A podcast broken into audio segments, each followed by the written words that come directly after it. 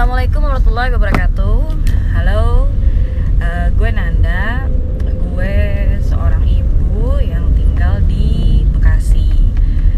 Em, gue punya s- eh, seorang putri, usianya masih hampir lima tahun.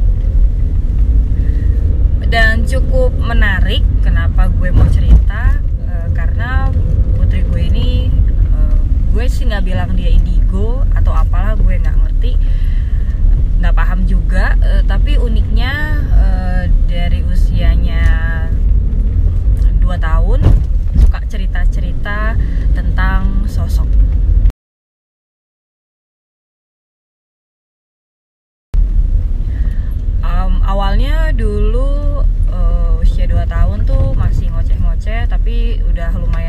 jelas kalau dia mendeskripsikan sesuatu termasuk si sosok-sosok ini.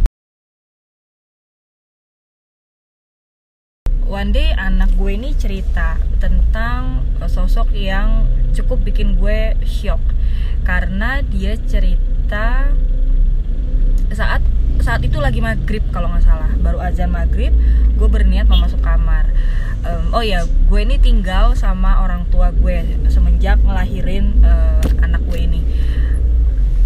kondisi eh, rumah orang tua gue orang tua gue itu em, di tengah itu eh, bolong. Bolong tuh maksudnya langsung eh, lihat langit gitu. Karena sebenarnya memang konsepnya di tengah rumah adalah taman.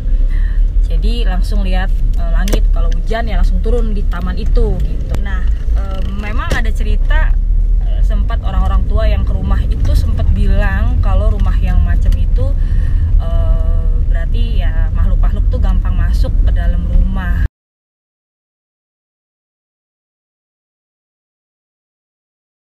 Nah, eh, balik lagi cerita anak gue di saat maghrib itu, ini adalah sosok pertama yang dia deskripsikan ke gue.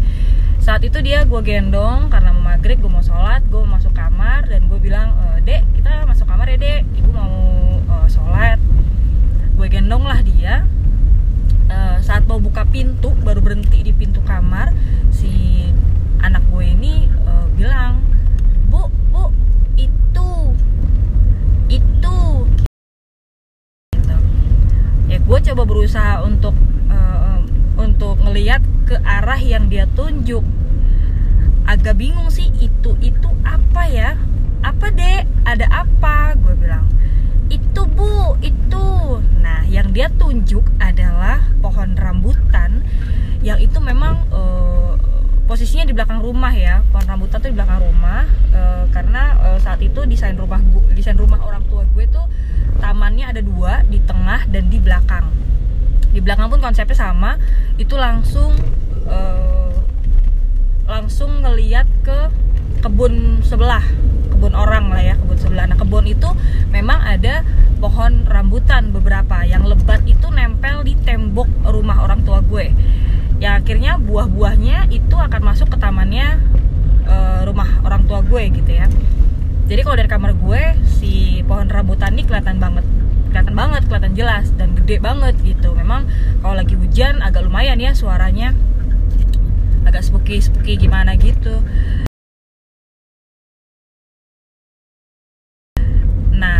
gue nunjuk lah ke situ.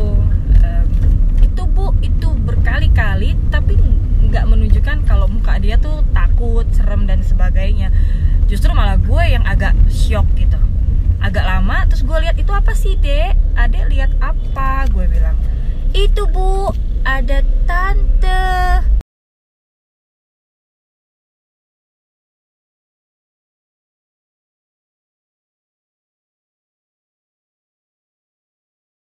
itulah otak gue mendeskripsikan siapa tante itu gitu. Sampai eh, sekarang pun gue masih agak horor sama pohon rambutan itu cuman alhamdulillahnya pohon itu akhirnya ditebang karena bokap gue memutuskan untuk untuk nutup taman belakang.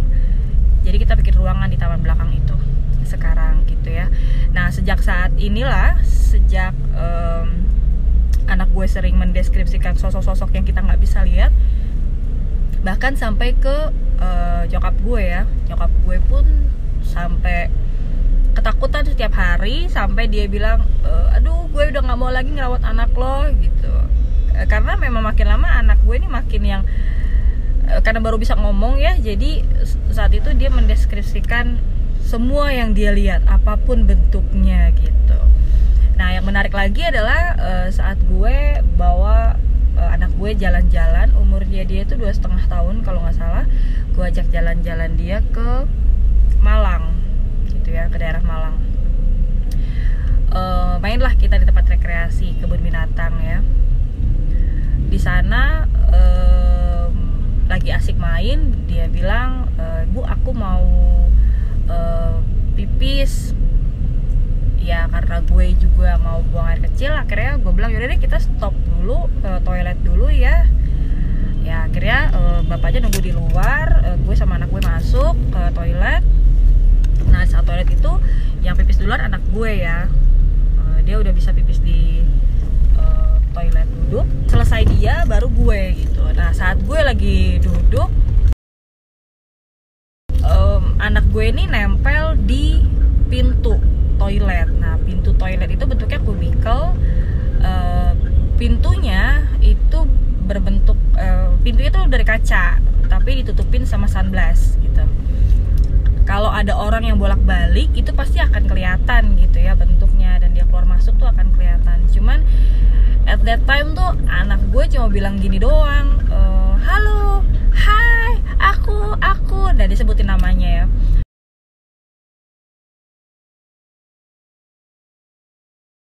gue tanya lah ih kamu lihat siapa dek? Kamu ngobrol sama siapa? Itu ada temen aku tuh mirip kayak aku katanya.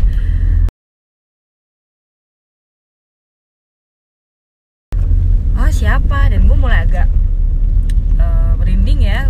Ya gue buru-buru lah buru-buru menyelesaikan kegiatan gue di toilet itu. Uh, terus uh, gue sambil gue ngobrol anak gue sambil gue tanya-tanya uh, kayak apa bentuknya kayak apa dia ih dia kayak mirip aku banget bu ih lucu bu ada tuh di luar ibu nggak lihat ya ibu nggak lihat kata dia aduh nggak kelihatan kalau dari dalam. Gue bilang nah akhirnya gue bilang sama anak gue ayo ibu udah selesai nih kita keluar yuk. Keluarlah kita. Begitu gue buka pintu anak gue cuman teriak dan dia bilang halo gitu ya dan posisinya itu sepi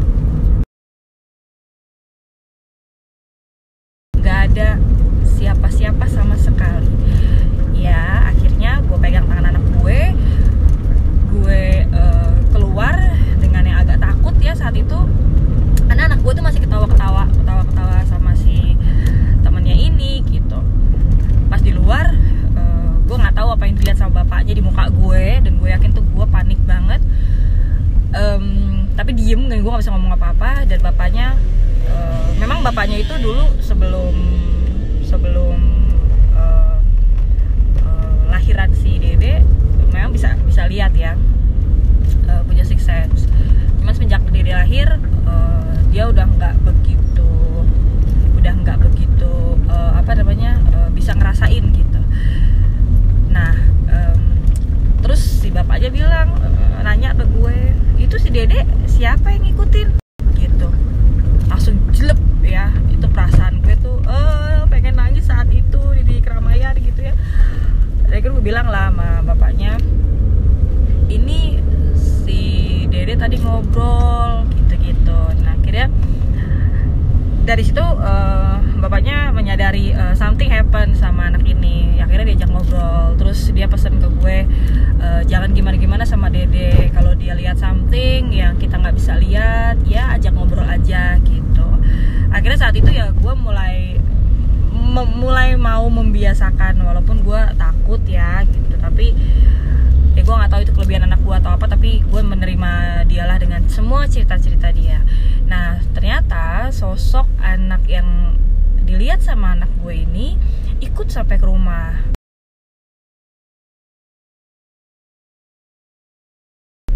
Gue juga nggak tahu kenapa tapi uh, si dede selalu cerita namanya Milo katanya. Um, dan gue selalu nanya sama anak gue e, baik nggak? Kata dia baik. Kata dia baik suka main nggak nakal katanya. Dia cuma mau mampir aja kok bu main di rumah kita gitu ya. Tapi gak lumayan lama ya jadi dari umur dua setengah tahun uh, eh dari umur 2 tahun dia sampai umur dia uh, tiga mau tiga tahun um, bentuknya nggak pernah berubah. Jadi gue sempat berpikiran bahwa anak gue ini sebenarnya hanya berhayal. Tapi uh, gue nanya ke teman-teman gue yang psikolog kalau dia berhayal bentuknya mungkin akan berbeda-beda gitu. Cuman dia bentuknya konsisten. Selayaknya dia menggambarkan ibunya menggambarkan bapaknya menggambarkan kakek neneknya dan menggambarkan sosok Milo ini selalu konsisten dengan bentuk yang sama gitu. Akhirnya gue berpikir ah ya sudahlah mungkin memang dia bisa lihat. Jadi ya no worry lah menurut gue gitu uh, sampai akhirnya uh, ini yang unik ya yang unik uh, dan uh, gue sama nyokap gue karena kalau gue kerja nyokap gue yang uh, ngerawat si dede akhirnya kita jadi terbiasa dengan sosok Milo gitu. Karena memang memang bukan hal yang serem ternyata Milo ini. Karena sudah terbiasa akhirnya uh, one day nyokap cerita uh, ke gue. Uh, mbak ini si dede cerita katanya. Si Milo mau pulang dijemput ibunya.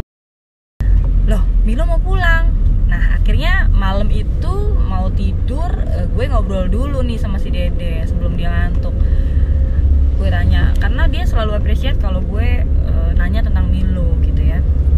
Dan dia cerita lah malam itu seperti biasa ngomongin Milo sama, ngapain aja sama Milo hari ini. Terus gue tanya e, dek kata nenek Milo mau pulang ya? Iya bu Milo mau pulang. Loh naik apa dia pulang? Dijemput sama ibunya oh ibunya Milo mau ke sini udah udah ke sini ibunya. Udah sampai rumah? Udah udah ada kok gitu. Uh, ini ini hal ini bagian yang menurut gue sampai sekarang tuh nggak bisa gue lupa ya. Uh, gue tanya-tanyalah tentang ibunya si um, Milo ini dan dengan gamblangnya anak gue cerita tentang ibunya yang ibunya Milo ibunya Milo sayang sama ibu kaget ya gue Hah? Kok bisa sayang sama ibu? Iya, ibu baik kata ibunya Milo gitu. Oh gitu. Ibunya Milo baik nggak? Baik bu. Ibunya Milo baik sama aku katanya si Dede. Oke. Okay. Dan gue udah mulai ngerasa agak takut ya dan merinding-merinding. Itu merinding nggak berhenti di kamar hari itu ya. Terus gue iseng nanya lah. Uh, iseng nanya posisinya di mana gitu karena kok gue merinding banget ya akhirnya gue bilang sama si dede gue tanya sama si dede e, dek ibunya kan udah ada di rumah ya ada bu katanya sekarang lagi di mana ibunya ada di atas kita bu dan gue entah kenapa tapi saat itu gue terpaku ya ngelihat atap atap di atas gue. Dan gue cuma ngebayangin apa bentuknya yang ada di atas gue gitu. Terus uh, dan gue bener-bener kaku nggak bisa ngomong. Dede ngelanjutin dengan bilang rambutnya sampai ke bawah nih bu ke kasur kita. Ah. Kalian bisa ngerasain lah ya apa yang gue rasain saat itu and I'm shocking banget. Shock parah shock banget gue saat itu.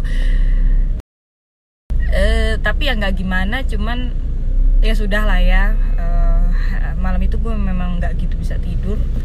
Anak gue cerita terus cuman gue cuma ngomong dalam hati uh, ya sudah uh, gue nggak niat ganggu. Dia juga nggak uh, niat ganggu ya makasih mon, anaknya mau nemenin anak gue gitu. Akhirnya kebetulan besok besoknya itu memang gue ada acara keluarga.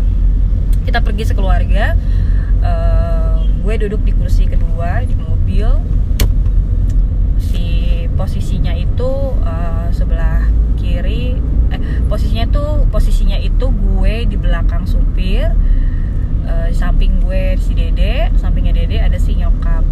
Nah yang aneh hari itu si dede duduknya agak berjarak dari gue. Gue tanya dede kenapa duduknya jauh-jauh dari ibu?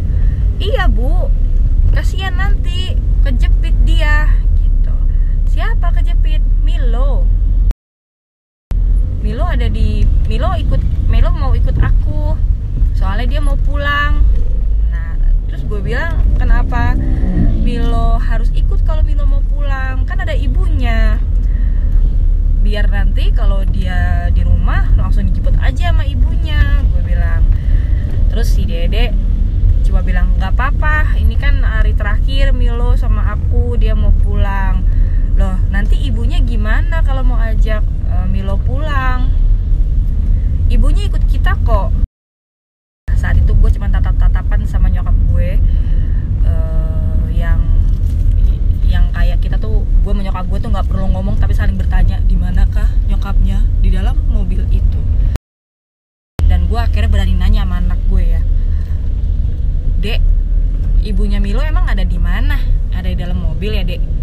Enggak ibunya Milo itu lagi terbang di samping kacanya ibu. Well oke. Okay. dari situ dari hari itu eh, bener-bener Milonya pulang. Sampai hari ini kalau gue tanya Milo ada atau enggak? Udah nggak ada. Milo sudah pulang dijemput sama ibunya. Sekian